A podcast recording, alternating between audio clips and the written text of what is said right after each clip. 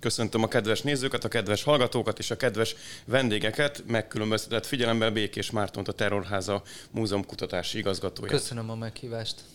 Köszönjük, hogy eljöttél, és Szilvai Gergőt, a Mandiner munkatársát. Én pedig Kacsó Dániel vagyok, a Mandiner.hu főszerkesztő helyettese, és ar- arról beszéltünk, hogy Ugye nagyon körülölelnek bennünket a newsok és a fake newsok, különösen a háború idején.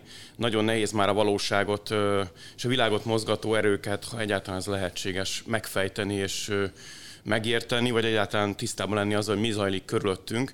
Ezért most nem is ilyen világrend, világmagyarázat, hanem világrendmagyarázatba fognánk, annál is inkább, mert hogy tehát egy, egy afféle big picture-t ö, csúnya importált kifejezéssel élve rajzolnánk, így a háború és az abból fakadó következmények kapcsán. Annál is inkább, mert te egy pucsvírus néven egy igen ütős címmel egy nagyon alapos Köszönöm. elemzést tettél most közel látószok blogon, amit egyébként kedves nézőinknek és hallgatóinknak is szíves figyelmébe ajánlom, érdemes elolvasni egy elég komoly történelmi visszatekintést is magába foglaló elemzés arról, hogy hogyan jelenik meg az úgynevezett soft power, de lehet, hogy ennél keményebb kifejezéseket is használhatnánk a, a, a mai korunkban, és egy vírusként azonosítod azokat a tevékenységeket, amelyeket, amelynek a, hogy mondjam, a legerősebb, vagy legelső képviselője az Egyesült Államok, amelyik a saját érdekének megfelelően különböző mozgalmakat, akár forradalmakat támogat a világ egészen különböző pontjain,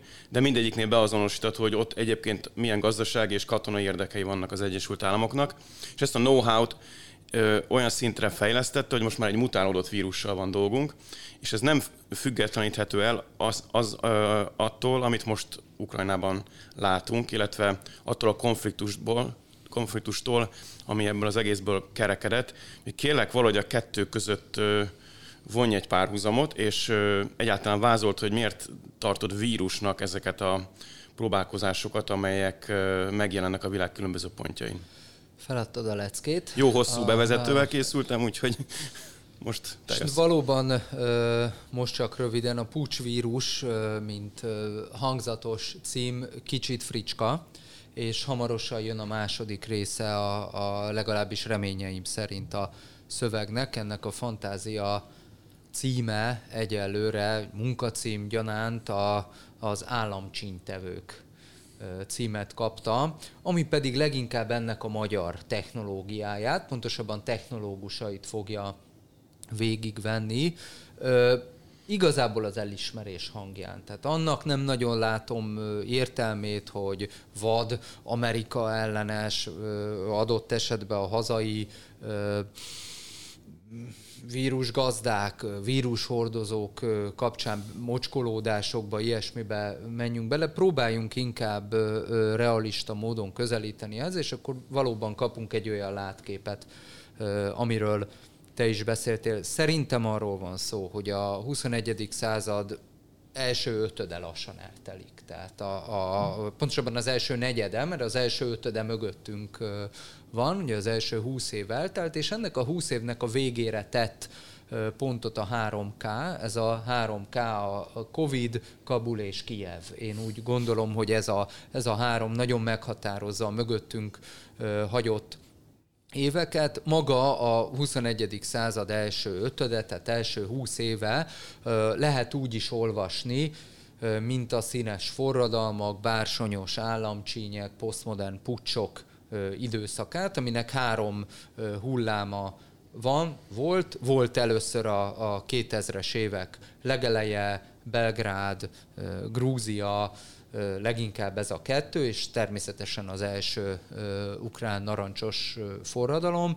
Volt egy második felvonás, a 2010-es évek eleje, arab tavasz, ami hát mindenütt vérfürdőbe torkolott, ugye Líbia egy nem működő állam, lehet Szíriát az oroszok visszahozták, borzalmas áldozatokat szedett ott a terrorizmus, iszlám állam képében, és aztán volt a 2010-es évek végén egy, egy dél-kelet-ázsiai forrongás, Myanmar, Hongkong leginkább, de egyébként Malázia és Tajvan kapcsán, Majd jött a koronavírus járvány, és amint ott láttuk, oda-vissza tudták egymást fertőzni az országok, hiszen Lengyelország, elnézést is kérve lengyel barátaimtól, de hát akik nincsenek túl sokan, mégiscsak így történt, hogy Lengyelország elkezdte Belaruszt, ami hát egy befagyott rezsim, olvasztgatni, ott egy színes forradalom kísérlet történt, majd a fagyi visszanyalt, mert Lengyelországba visszakerült a, a vírus az abortusz szigorítás kapcsán, a Belarushoz nagyon hasonló események zajlottak. Úgy tűnik tehát, hogy a, az új módszer az nem a, a, az nem a régi módszer. Mert mi a régi módszer? Oda megyünk, partra szállunk, pucsot hajtunk végre, kvízlingeket hatalomra ültetünk, ez a, ez a régi ipari korszaknak az eljárása. Mostanában a forradalom, vagy a színes forradalom az leginkább destabilizációval jár. Megmérgezzük Fidel Castro szivarját és búváruháját. De ez, ez ha a régi, ha ez, ez, igaz a, ez a, igen, igen, de ez a, ez a, régi, ez a régi módszer, az új, az új módszer, az, az nem az nem bombazápor, hanem pénzeső. És hát ez a pénzeső, ez Magyarországon is bekövetkezett. Mondok egy, egy mindannyian ismerjük ezt a viccet, Lenin elvtársal, a gyerekek labdával véletlenül megrúgják Lenin elvtársat, aki a gulágra küldi őket, és erre azt mondják járóklak, hogy hát persze le is lövethette volna őket. Hasonló szerintem a helyzet Magyarországon. 99-2000-ben a bulldozer forradalom, ami, amit hát nagy részt a, a NATO Szerbiát, akkori Jugoszláviát bombázó tevékenységek készített elő, nem csak Belgrádot bombázták, magyar városokra is hullottak bombák. Annak a hadműveletnek az irányítóját úgy hívták, hogy Wesley Clark, Uh, Wesley Clark... Már Kizaj Péter jut eszembe róla, Már akkor sok, túl sokat olvasok magyar nemzetet és Nem, nem hiszem, sőt, ö, sőt arról van szó, hogy Wesley Clark akár le is bombázhatott volna minket, ehelyett csak beült annak a testületnek a bordjába, ahonnan már Kizaj Pétert finanszírozták. Egy szó mint száz, a cél nem az országok átvétele, nem az országok megszállása, a cél az országok destabilizációja, és pontosan ezt látjuk például napjaink Bulgária Romániájában, de ugyanez a helyzet Csehországban, Szlovákiában, csak a magyar választók bölcsessége okozta, hogy Magyarországon nem így jártunk a legutóbbi választás idején. Most provokatív, meg álnaív leszek, és aztán kérem, Gergő is mondta ezzel kapcsolatban a véleményedet, de hogyha miután mi a nyugati ö, világrendhez tartozunk, tehát hogy a szövetségesi rendszerünkben ott van az Egyesült Államok, mert az Európai Unió a NATO tagjai vagyunk, tehát hogyha úgy is fogalmazhatnánk, hogy az Egyesült Államok értünk szervez pucsokat, a világ a mi kultúránk érdekében szervez pucsokat. Ér, érted szervezem a pucsot, nem ellen. Így van, ezt Értem. akartam, ezt a, ezt a szólásmondás kiforgatását akartam behozni, de hogy nagyon nagy a különbség akkor, amikor Magyarországon támogatnak olyan szervezeteket, amelyek destabilizációs tevékenységet folytatnak, vagy egyáltalán mondjuk artikulálnak olyan társadalmi ellenérzéseket, amelyek lehet, hogy nem akkorák, mint amekkorának a nyugati média, meg ők ezt megmutatják, és egészen más, amikor mondjuk ugyanezt Hongkongban csinálják, vagy mondjuk Venezuelában, vagy olyan helyen a világnak, amelyik nem tartozik az ő szövetségi rendszerükhöz. Most még egyetlen dolgot hatozzak be, nagyon lábjegyzetként, amikor Angela Merkelről kiderült, hogy a amerikai titkosszolgálat lehallgatja, akkor én egy hát hogy mondjam, már nevére sem emlékszem, egy magyar amerikai iránt elfogolt újságíró azzal magyarázta, hogy értünk hallgatja Angela Merkel, nem Angela Merkel ellenében, tehát hogy nagyon jó, hogy vigyázzánk az Egyesült Államok, el kéne nézni neki ezeket a húzásokat. Hát nézd, a szövegben is ez a idézett cikkben azért több helyütt meg van említve, hogy vannak színes forradalmak, amik nem sikerültek. Tehát például nem sikerült Iránban, nem sikerült Venezuelában, Belarusban, a Myanmari pucs se sikerült, hiszen a hadsereg egy ellenpucsot megelőző államcsint hajtott végre, és Hongkongot se sikerült fellázítani. Tegyünk azért különbséget. Tehát nem kell, és senkinek nem javasolnám, hogy, hogy szimpátia alapján állapítsa meg az egyes országok közötti különbséget. Tehát a, a klasszikus reálpolitika felfogása szerint szuverén államok vannak, amiknek van belső rendje. Az Egyesült Államok belső rendje egészen más, mint Venezueláé, Iráné, egész más, mint Magyarországé. Hagyjuk meg az egyes országoknak, hogy olyan utat válasszanak, amit gondolnak, és azért jelezném, hogy az Egyesült Államokban mondjuk a BLM zavargások idején, vagy például a Kapitólium ostrománál tavaly év elején azért lezajlottak olyan jelenetek, amik nem egy jól működő demokráciának a, a kulisszáihoz tartoznak azok a rezsimek, amelyek a színes forradalmak a kezdeményeit megakadályozták. Lehet, hogy a nyugat számára nem a legjobb illatú rezsimek, most viszont úgy látom, hogy mégis Venezuelától vásárol olajat az Egyesült Államok. Tehát persze a kettős mérce lerágott csont, Ugyanakkor mégis arról van szó, hogy Közép-Európában is és világszerte is zajlanak olyan beavatkozások, olyan operatív tevékenységek, amelyek képesek az adott országokat destabilizálni. Függetlenül egyébként attól, hogy milyen, mennyire jó illatú rezsim van ott. Nem javasolnám senkinek az egyoldalú, csak nyugati szemszögből nézett rezsim tipológiát, mert ha így nézzük a rezsimeket, akkor annak a vége az lesz, hogy az Európa Tanács Magyarországot úgymond ellenőrzése alá vonja, de hát hopp, a, hopp, mai, ez a mai napon éppen ez történt. Szóval azt gondolom, hogy óvatosan ezzel a világ ö, egyszerű, vagy, vagy, vagy túl egyértelmű, liberális, demokratikus mérce szerinti felosztása ö, oda vezet, ö, hogy Magyarország nagyon könnyen a, a, olyan országok között ö, találja magát, amelyek ö, ellenébe színes forradalmakat ö, szokás szervezni. Uh-huh. Gergő, te hogy látod ezeket a folyamatokat? Mennyire félelmetes ez az hát egész koncepció, úgy is kérdezhetném. Nyilván az, az ilyen koncepciók mindig hát tesszük félelmetesnek is, de, de hát nagyívűek, vagy, vagy de rácsodálkozik az ember, hogy akár még te is hogy vagy mondtad, hogy akár még elismerést is kiválthat, csak nem, nem támogatólag, tehát hogy rácsodálkoztam, hogy fú, hát ez össze volt rakva, de nem is ide akarok kiukadni, hanem, hanem már pedzegettétek azt, amire gondolok, hogy a, a mi tragédiánk, a magunk fajták tragédiája, mint közép-európai jobboldaliak, az az, hogy ugyanazt a destabilizációs technikát használják nyilvánvaló, egyértelmű totalitárius rezsimek ellen, meg mondjuk, meg mondjuk nyugati jobboldali kormányok ellen, meg, meg köztes megoldások ellen, a, nem tudom, autoritár rendszerek, stb. Nem demokrácia, de, de a nép szemében legitim, és ilyesmik.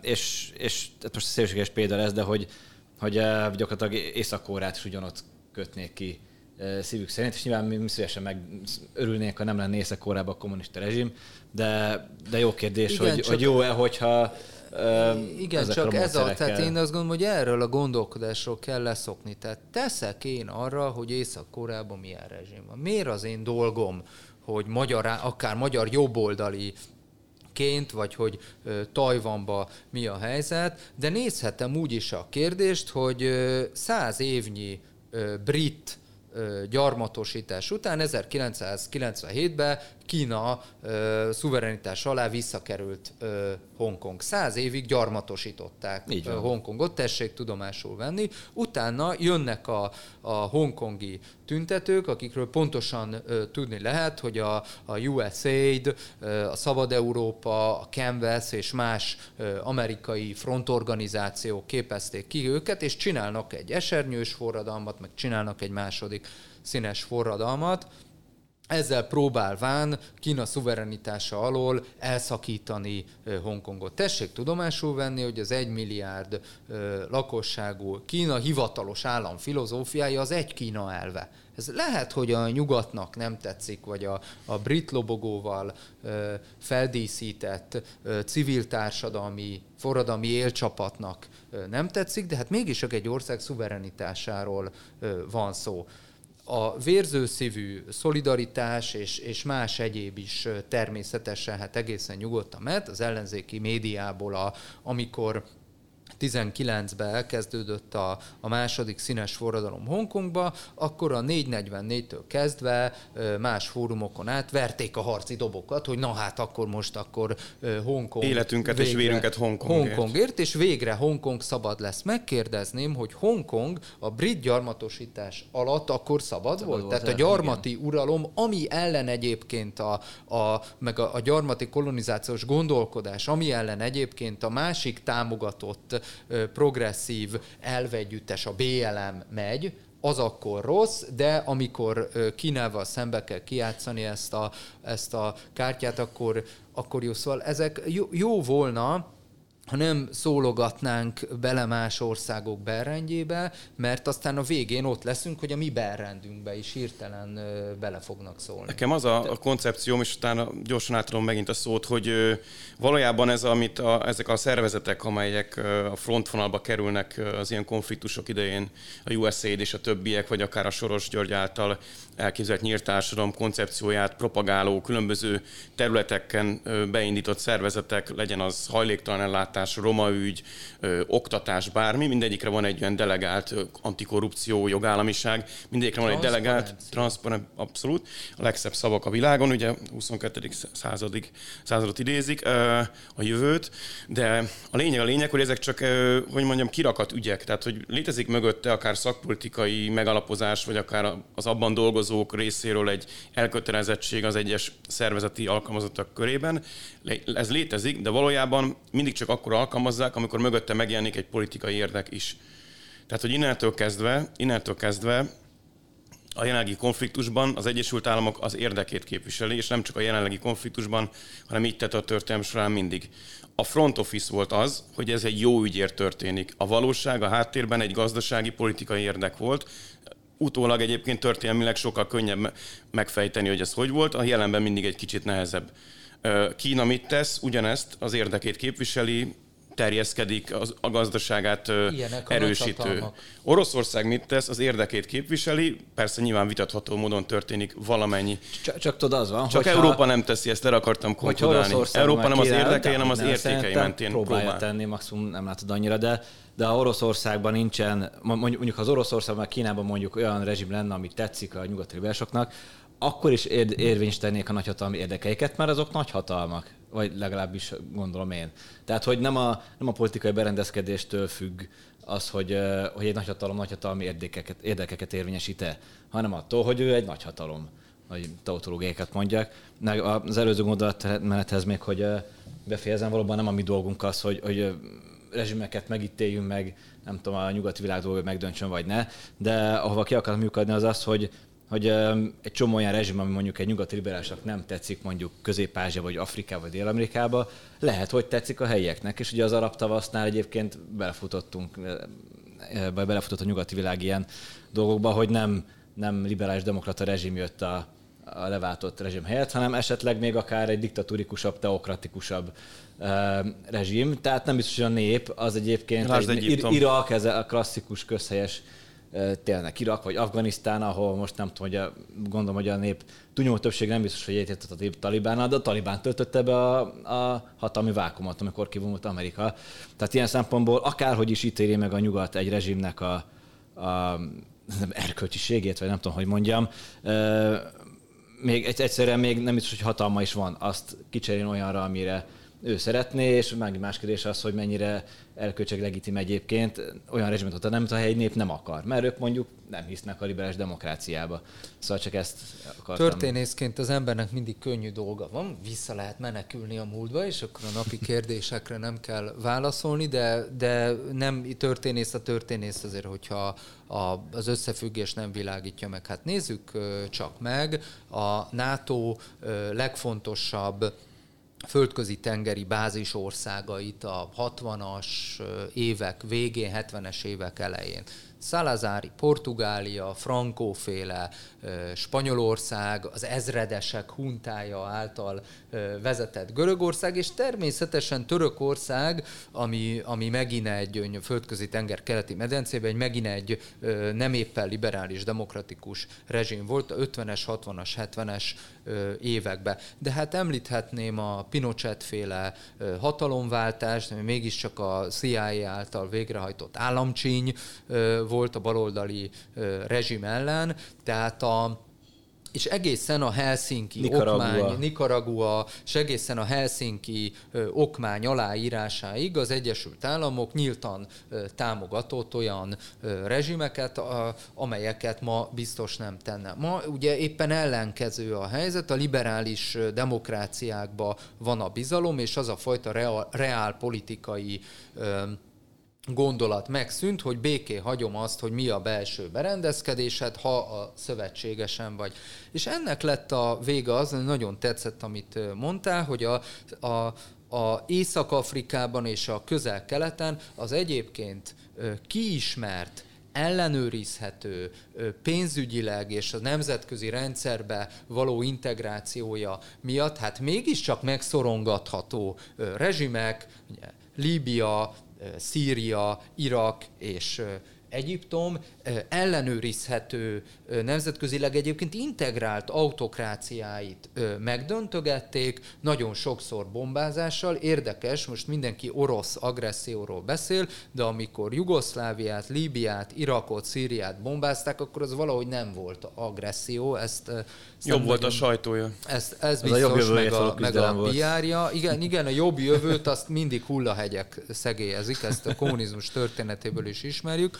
Szóval ehelyett helyett elindult egy olyan dominó hatás, hogy sorra ezek az országok bedőltek. De helyettük nem ellenőrizhető, esetleg jobb illatú autokráciák jöttek létre, hanem jött a muszlim testvériség, vagy valami annál is rosszabb. Tehát a klasszikus reálpolitika azt mondja, hogy hagyjad Assadot a, a helyén, megszoktad, ismered, lehet irányítani vezetni, adott esetben szankcionálni, és nem jó, ha helyette elszabadul a káosz. És Vagy Libiában Katafi az a nyugat Ká- szempontjából, hogy a, a bevándorlás válság szempontjából az egy nagy Hát sokkal jobb volt, és ráadásul a, a terror elleni háborút is támogatta, hiszen ezeket a rezsimeket jellemző módon ugyanazokat fundamentalista ö, csoportok támadták, amelyek egyébként a nyugati világrendet is bonyolultnak tűnik a, a, a, az összefüggés, valójában arról van szó, hogy a nyugati geopolitikai gondolkodás letért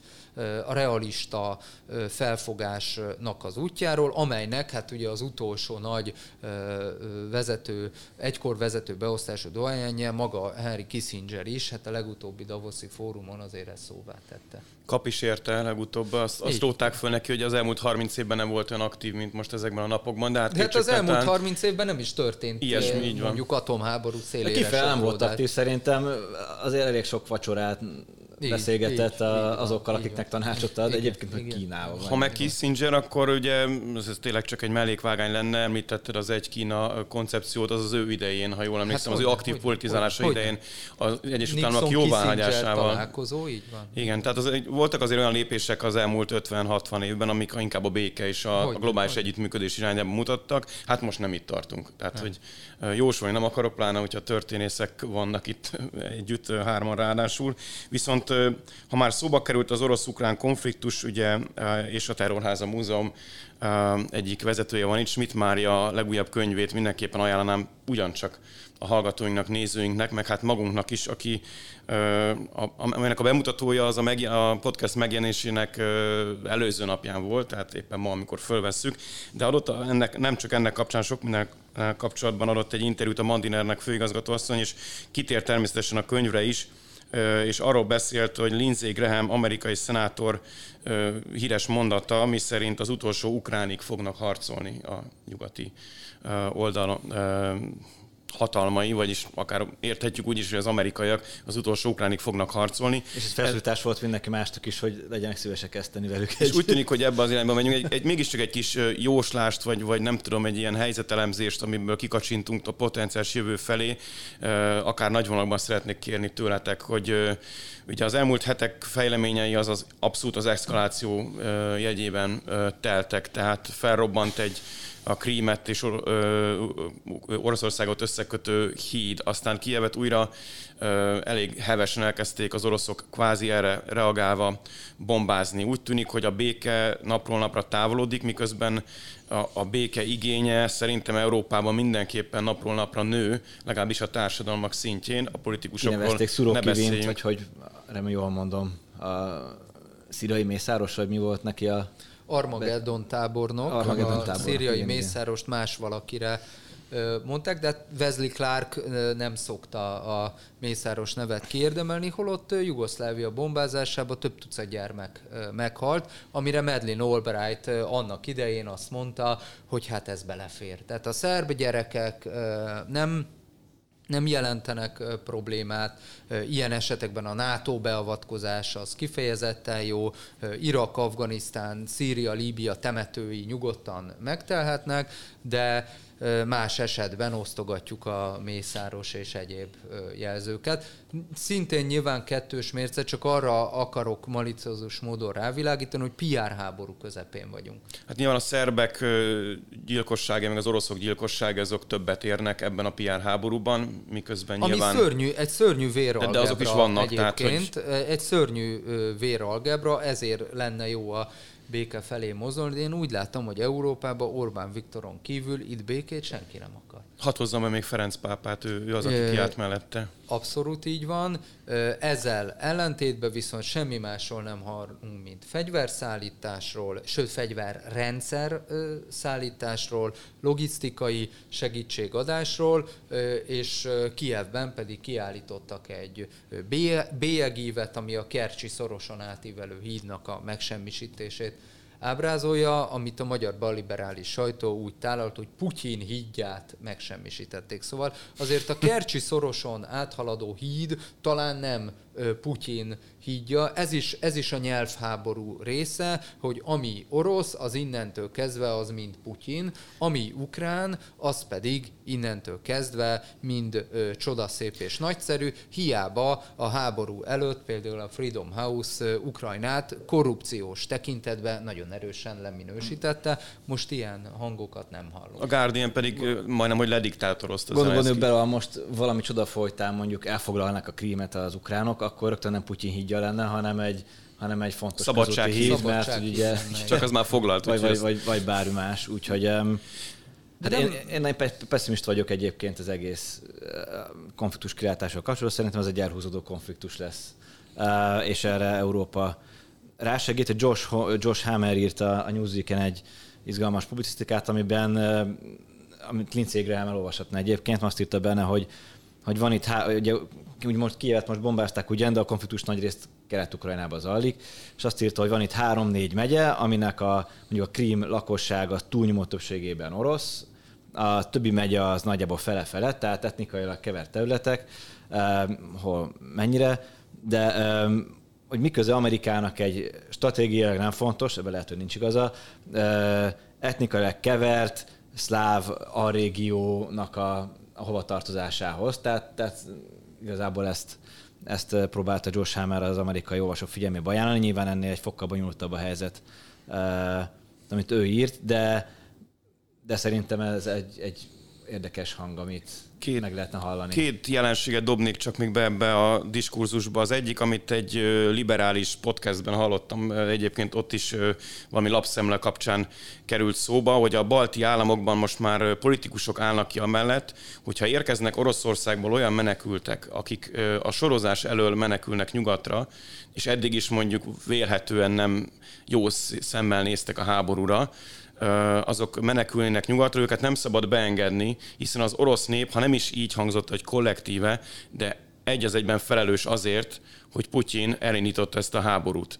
Tehát innentől ez, ez, a, ez engem a 45-ös háború és győzelem utáni német deportálások mögött meghúzódó ideológiára, de még nagyon meredek lesz, amit mondok, akár még a holokausztra visszavezethető gondolkodásra emlékeztet, amikor Hát ugye arról van szó, hogy Putyin diktátor, tehát ő az, aki rákényszerítette a nyugati zsargon szerint az akaratát a népére, most pedig a népét tesszük felelőssé, és nem engedünk be oroszokat Európa területére, még akkor is, hogyha menekülnének. Most nem tudom, hogy mi a helyes morális álláspont ez egyébként egy ilyen helyzetben. bűnösség el, amit elvileg a nyugat nem val magáénak, de néha mégis. A másik pedig, ami Ezek eszembe jutott, az, hogy a legutóbbi szankciós csomag bizonyos intézkedései 2024 előtt nem fognak hatályba lépni. Tehát, hogyha arról beszélünk, hogy a szankciós csomag célja, hogy megállítsa az orosz hadsereget, és most azonnal prompt megoldásként a háborút is megállítsa, legyőzzük az oroszokat, akkor miért hozunk két évvel később hatályba lépő szankciókat, ha csak nem az a cél, hogy ez egy nagyon-nagyon elhúzódó konfliktus PR legyen, háború. PR háború, és ez a kettőt összerakjuk, arról van szó, hogy az oroszok úgy, ahogy van egy bűnös nemzet, és az oroszokat zárjuk ki a nyugati együttműködés potenciális lehetőségéből is, független attól, hogy Putyin vagy hogy hívjuk a, a vezetőjüket. Jó, hát én úgy, Hosszú távon ez nagyon Úgy érzem, kemény. hogy a közepébe ö, csöppentünk, és ö, erről Erről azt gondolom, hogy Oroszország és Európa nem csak energetikai, nem csak biztonságpolitikai, nem csak gazdasági, hanem kulturális elszakítása az egy régi angol száz projekt. Tehát ez egy olyan, akár a Napóleon utáni európai világrend idejére visszamenő, tehát körülbelül 200 éves törekvés, amelynek most a főképviselője az Egyesült Államok. Ez Európában most már ö, láthatóan egyébként ö, élelmiszeripari, vegyipari, autóipari és mindenek előtt ö, energetikai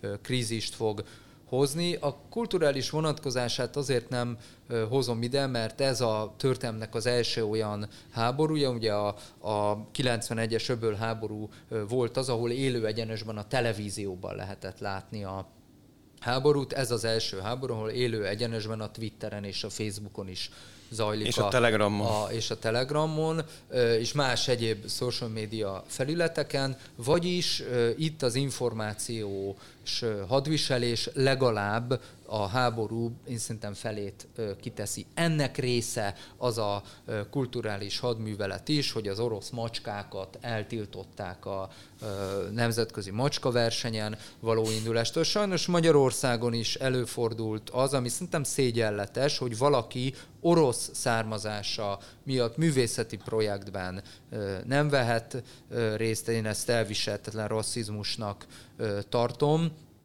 és közben a háborúnak van egy ennél azért jóval szélesebb és mélyebb frontvonala, ami nem csak Európa meg Oroszországtól egymástól való elválasztását okozza, de hát Európa alávetését annak a egykori európai gyarmatnak, Egyesült Államoknak, ami most mintha Európát gyarmatosítaná. Európa stratégiai kezdeményezés és stratégiai autonómiáját elvesztette, Európában néven nevezhető, komoly, hanggal rendelkező államférfi mondjuk olyan állam élén, ami minimum 50-60 milliós sajnos nincsen, Európában Orbán Viktor az egyetlen, aki a, aki a békét tűzi ki célul, aki béketárgyalásra szólít fel, nem akarnak rá hallgatni, ez szerintem évtizedekig elnyúló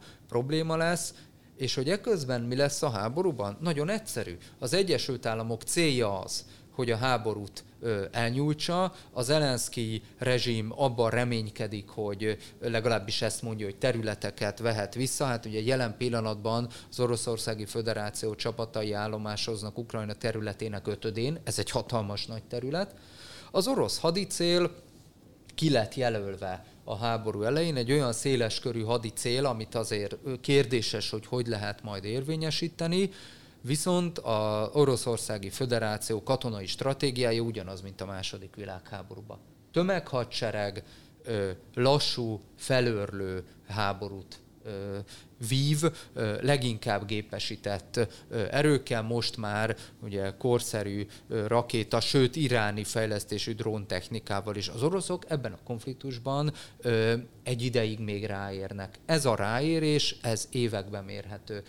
Ukrajna közbe kiürül, Ukrajna városait bombázzák, az ukrán hadviselésre alkalmas férfi erő rohamosan szűkül, viszont öntik bele a fegyvert, az instruktorokat, a logisztikát. Mondaná az ember, hogy hát nem lesz ennek jó vége, ha ez egy Pakisztán és India határán lévő tartományi konfliktus lenne, csak hogy ez a háború a határaink mellett zajlik, a határunk mellett lévő Európa legnagyobb területű országában zajlik, amit a világ legnagyobb területű országa támad meg. Forró a helyzet?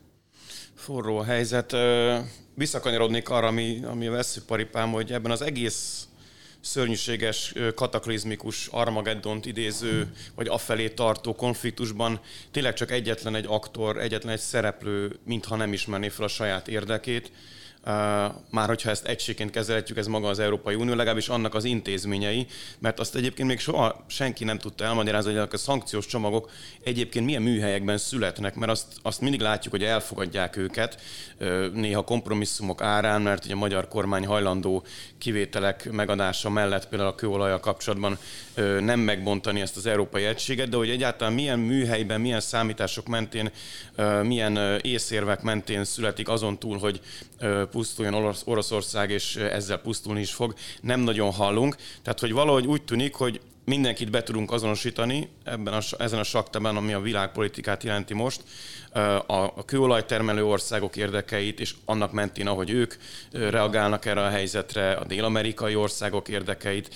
Szegény Afrika van a legkevésbé nyilván potens helyzetben, de hát ez nem újdonság. Viszont rá azokra az országokra is hatása van a konfliktus.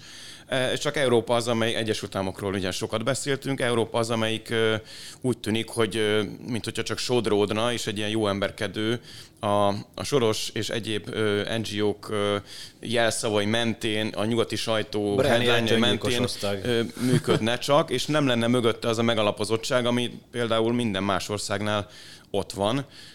Mi lesz így az Európai Unióval, hogyha lehetek ennyire leegyszerűsítő? Gergő, most hát, hát magával, hogy az EU vezetésvel mi lesz, azt jelen pillanatban nem tudom, de nekem egyre inkább úgy tűnik, de ezt is már sokszor elmondtam itt is, mert más is, hogy, hogy nem biztos, hogy minden kormány tavaszig a helyén marad. Tehát engem érdekel, hogy tavasszal milyen kormányok lesznek Európában, főleg mondjuk északon, tehát ahol hidegebb van. Gondolok a németekre, ahol nap, naponta tüntetnek, tehát számos országban vannak egyre demonstrációk egyre, egyre gyakrabban, és, és még csak október közepe van, ugye? Tehát meglátjuk, mi lesz később. Szóval engem érdekel ez, hogy, hogy egyáltalán a tagállamokban milyen kormányok lesznek, és ezután szerintem legkésőbb a következő EP választásokkor pedig ugye lecserjük az Európai Parlamentet, meglátjuk, hogy ez nem tudom, hogy marad-e a mostani Európai Parlamenti status quo. Szerintem az Európai Néppártra jönnek a legrosszabb idők. A baloldalt nem tudom, de talán arra is. És utána ugye von der Leyenről meg magunk a írtuk azt, hogy elszigetelődött, hogy kérdezted a szankciós csomagokat, hogy hol születnek. Ugye általában az Európai Unió tanácsában úgy születnek döntések, hogy azokat előtte megfutatják, stb. A von der meg így oda pakogatja az intézkedését, hogy akkor ezt kéne elfogadni, ami miatt már már Rutte is, aki nem igazán kedvel minket, is egyre mérgesebb. Szóval nem, nem látom, a hírek szerint nem túl stabil az Európai Unió vezetése. Von der nyilván egy bizottsági elnököt nem, nem lehet úgy lecserélni, mintha mondjuk most megbukik egy kormány egy, egy demonstráció miatt, vagy a nép elégedetlensége miatt, tehát ő szerintem maradni fog a ciklus a végéig. Érdekes csavar ebben a sztoriban, hogy a von der Leyen leválthatóságáról beszélünk, hogy jelenlás szerint az az Európai Parlament pedzegeti a leváltását, ami egy történelmi aktus lenne egy, egy ilyen Európai Uniós Az Európai Parlamentben most olyan boros többség van, hogy még rosszabb lenne nekünk a leváltanás. Akik el, azzal elégedett, azért akarják leváltani, mert elégedetlenek azzal a kompromisszumkészséggel, azzal a minimális kompromisszumkészséggel, amit Lengyelország és Magyarország irányába az Európai Bizottság tanúsít. Még egy kérdés, hogy a Európai Unió jövőjét nem is tudjuk nyilván megfejteni, meg még ötször föl fogom ezt a kérdést tenni, hanem 55-ször a következő időszakban. De ugye Berlinben Orbán Viktor beszélt arról, hogy a béke egyik reménye az Donald Trump. Yeah teljes mértékben így van, azért Donald Trumpról sok mindent lehet gondolni. Azt azért adjuk meg neki, hogy ez volt az Egyesült Államok elmúlt 70 évében, sőt tulajdonképpen Coolidge elnök óta, 20-as, 30-as évek óta az első olyan amerikai adminisztráció, amely nem indított tengeren túli háborút, és Donald Trump geopolitikai víziójában a, az oroszok és Kína elhatárolása volt a cél. Most Biden elnök idején az oroszokat és a kínaiakat sikerült egybe terelni, és éppen a Nixon és Mao megállapodás után pontosan 50 évvel született meg egy Peking Moszkva egymásra találás Putyin elnök és Xi elnök között olyan geopolitikai hibák történnek, amelyet részünkről Európában tetéz az, hogy az Európai Unió, mint egy pilóta nélküli repülőgép lenne, amit joystickkal irányítanak Washingtonból. Nincs stratégiai autonómia, nincs önálló döntéshozatal, ugyanakkor fel kell tenni azt a kérdést, hogy az Európai Uniónak az orosz-ukrán háborúba való önmaga beleártása, hiszen miniszterelnök úr jól kiválóan megfogalmazta, egy energetikai törpéről van szó. Egyébként ami katonailag is törpe, vagy még a, már mint uniós szinten, Európai Uniós hadsereg ilyen formán nem létezik, közös parancsnokság nem létezik, NATO alá van vetve, a kontinens önálló akarat nem létezik, az északi áramlat kettő fölrobbantásába valahogy úgy beletörődött a kontinens hatalmas ö, probléma. Szóval ebben a helyzetben fel kell tenni azt a kérdést, hogy egy nem NATO tag, nem EU tag ö, ország keleti felében zajló háború mégis Európának és napláne az Európai Uniónak mégis milyen módon érdeke ebbe beleszólni. Nem azt mondom, hogy az orosz-ukrán háború olyan távol van, mint a jelenlegi közép-ázsiai határvillongások, na de hát az euróatlanti integrációnak Ukrajna nem a része, és arra reménye Ukrajnának, hogy év belátható időn belül, tehát évtizedeken belül a része legyen, nincs nagyon, ha csak az Egyesült Államok máshogy nem dönt. Hát komoly kivételeket kéne tenni, hogyha komolyan venné az Európai Unió a csatlakozási De szerződést, hát nem, tehát háborúban álló tisztázatlan határú nem is csatlakozhat. Nem is csatlakozhat. Igen, de jogállamisági kérdések is fölmerülnek, de ezeket nyilván most ezekkel senki nem foglalkozik, mert hiszen háború van.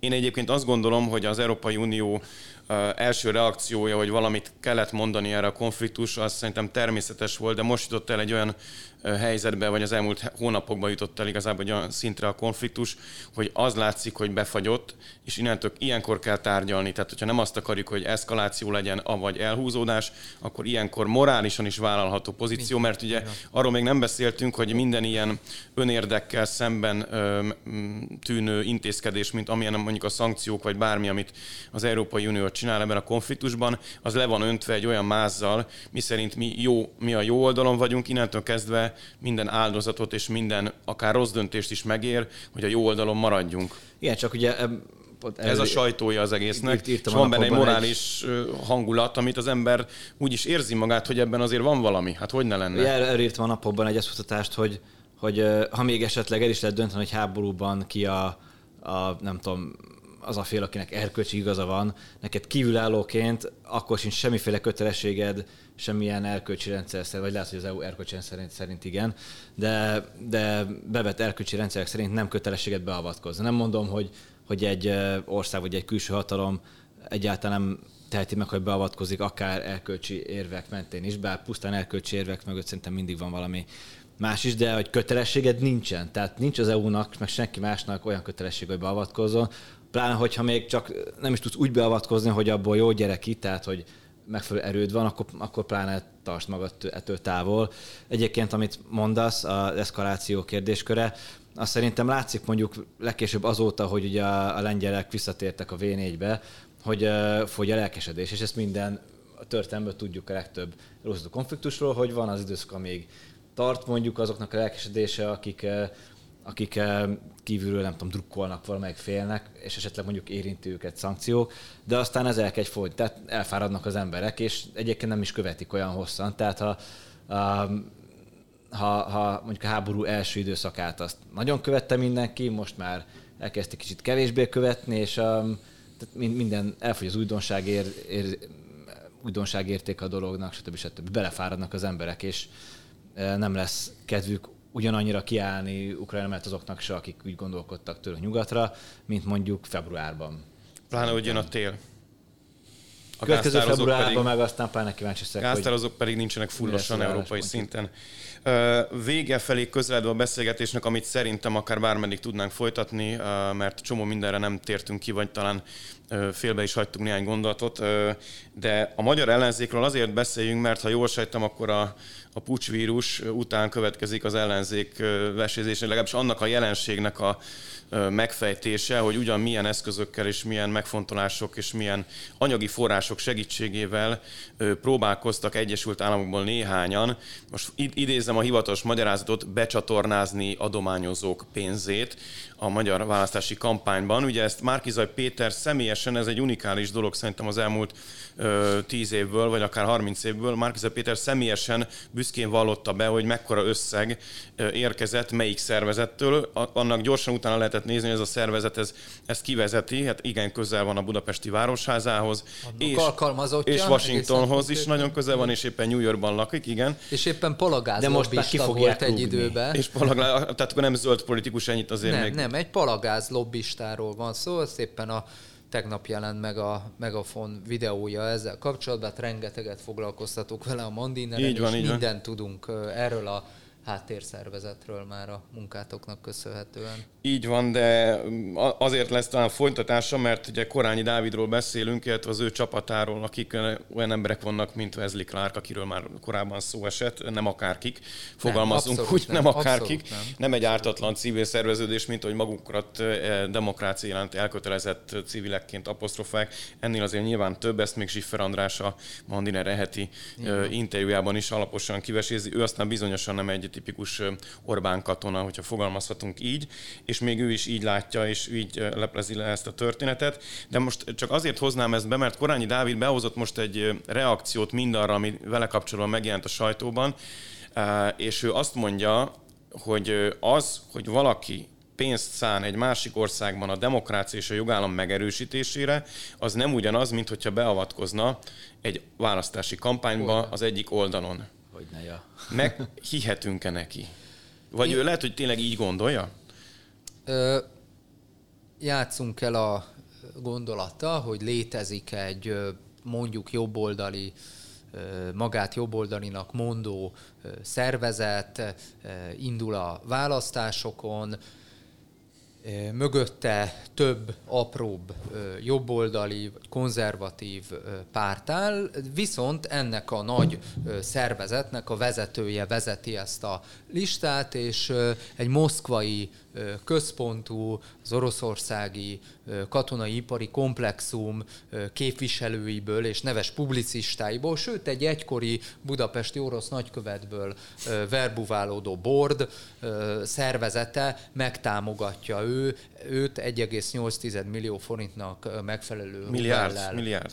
Milliárd, 1,8 milliárd forintnak megfelelő rubellel. Mindannyian csodálkoznak, mindannyian helytelenítenénk, a másik oldalon semmi okunk rá, hogy ne itt tegyünk, és olyan tiszteletre méltó baloldaliak, mint most a Mandineren, a címlapos, Mandinerbe címlapos interjút adó Schiffer András, ezt az egész történetet egyébként megírta Indexen, egy kiváló cikkben összefoglalta, és fejtette fel azt, hogy a, a washingtoni mélyállam diplomáciai, gazdasági, infotechnológiai és hírszerzési, sőt katonai komplexuma áll az Action for Democracy mögött, amely ö, olyan szavakat használ egyébként a, a honlapja bemutatkozójában, hogy Magyarország csatatér állam, ahol a demokratikus kultúrát fejleszteni kell. Nem gondolom, hogy ö, Magyarországon, a, vagy azt se gondolom, hogy bármelyik országban ö, északról, délről, keletről, vagy éppen nyugatról a demokratikus kultúrát akár szőnyegbombázással, akár pénzesővel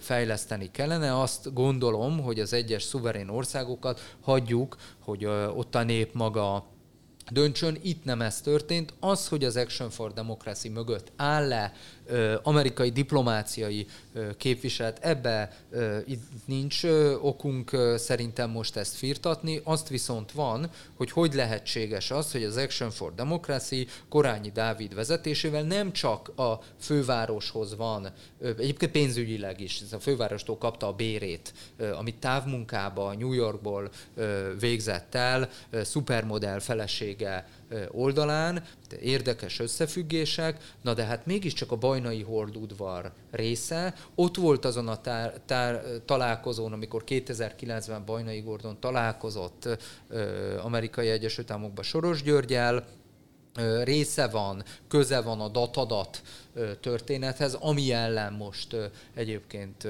nyomozás folyik. Itt egy olyan komplexum van, egy olyan háttér történet van, ami nem demokratikus, nem átlátható, és a népszuverenitásra nem hogy fittyet hány, hanem annak megvalósulását egyenesen és nyílegyenesen akadályozza. Mandinerbe szépen feldolgoztátok, én szerintem nagyon sokat tanultam korányi történet feldolgozásából, hogy egyébként egy egy amerikai palagáz lobbistáról van szó, és most az orosz-ukrán háború árnyékában az amerikaiak győzködnek minket, hogy tőlük vegyünk nagyon messziről repesztéses. Rengeteg pénzért. Rengeteg pénzért. Itthon technológiája se áll készen az amerikai palagáz felhasználásának. A régi megszokott orosz csővezetékes technológia helyett és akkor még 1,8 milliárd csoki pénz van Márkizaj Péternek, aki azzal kábít minket, hogy amerikai magyarok adták össze a pénzt, mert hogy a bordban ott ül Kati Marton is.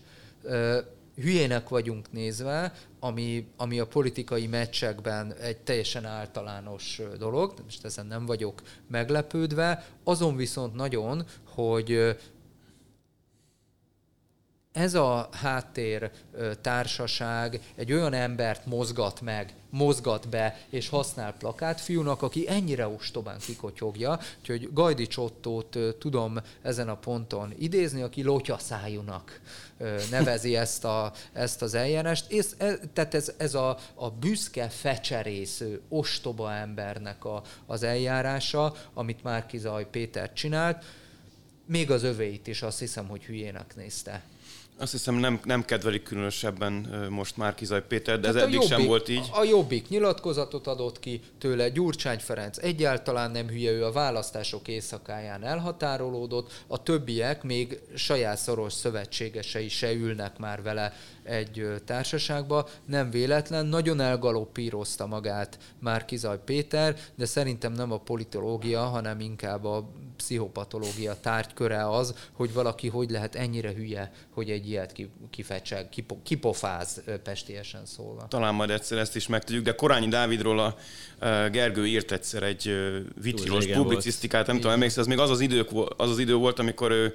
Nem tudtuk, hogy ő milyen nagy ember. Igen, nem tudtuk még, Igen, hogy... akkor meg azzal foglalkozott főmunkadőben, hogy ugye WhatsApp kapcsolatot teremtett ismeretlen amerikai kisvárosok és a budapesti városháza között, és azt adta el okos város fejlesztésnek, mert a budapestieknek erre van szüksége, hogy, hogy ők hiszem. nem telefonon beszélgettek, hanem Whatsappon. Egyébként nem is praktikusabb, tehát telefonon beszélni praktikusabb szerintem. De, de... Ez, az, ez, a, ez, a, ez az átlagnál... Főleg, hogy van FaceTime, tehát e- ezek az után... átlagnál haladóbb nekünk tanító nyugati, nyugaton képzett liberális archetipusa, aki mindig mindent ja. jobban tud, még azt is, hogy azt, azt nézegette, hogy Izraelben például olyan know-how van, hogy rendelhetsz a tengerpartra applikáción keresztül magadnak nyugágyat. Hát, Tehát, hogy ilyen, ilyen, probléma, ilyen, ilyen, ilyen ügyekkel foglalkozott, miközben itthon a Pesti úti idős otthonban haltak meg szegény idősek, romlott, tett, ment tropára a magyar a főváros közlekedése, és sorolhatnánk a problémákat, amikkel napi szinten szembesültünk. Nem, nem a WhatsApp volt a legnagyobb megoldás. És nem is az volt a legnagyobb érdekesség ebből, hogy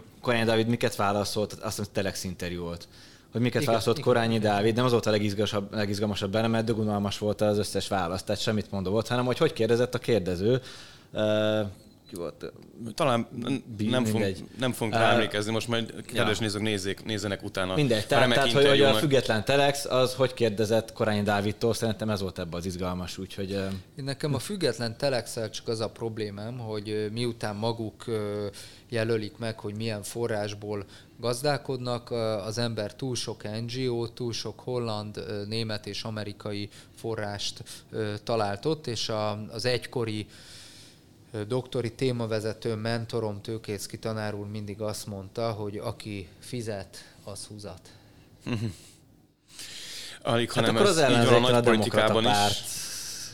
Lehet, hogy Alig, hanem ez így van a nagy politikában is, hogyha még akkor utalunk még egyszer az MZP-nek juttatott dollár, guruló dollárokra, de erről majd még szerintem fogunk beszélni, kíváncsian várjuk a hatósági eljárások is mit tárnak föl, mert lehet, hogy még mindent nem tudunk, bár ez is eléggé rémisztő és szórakoztató egyszerre. Minden esetre nagyon köszönöm, hogy itt voltatok, különösen Marcinak, de Gergőnek is, a nézőknek a figyelmet.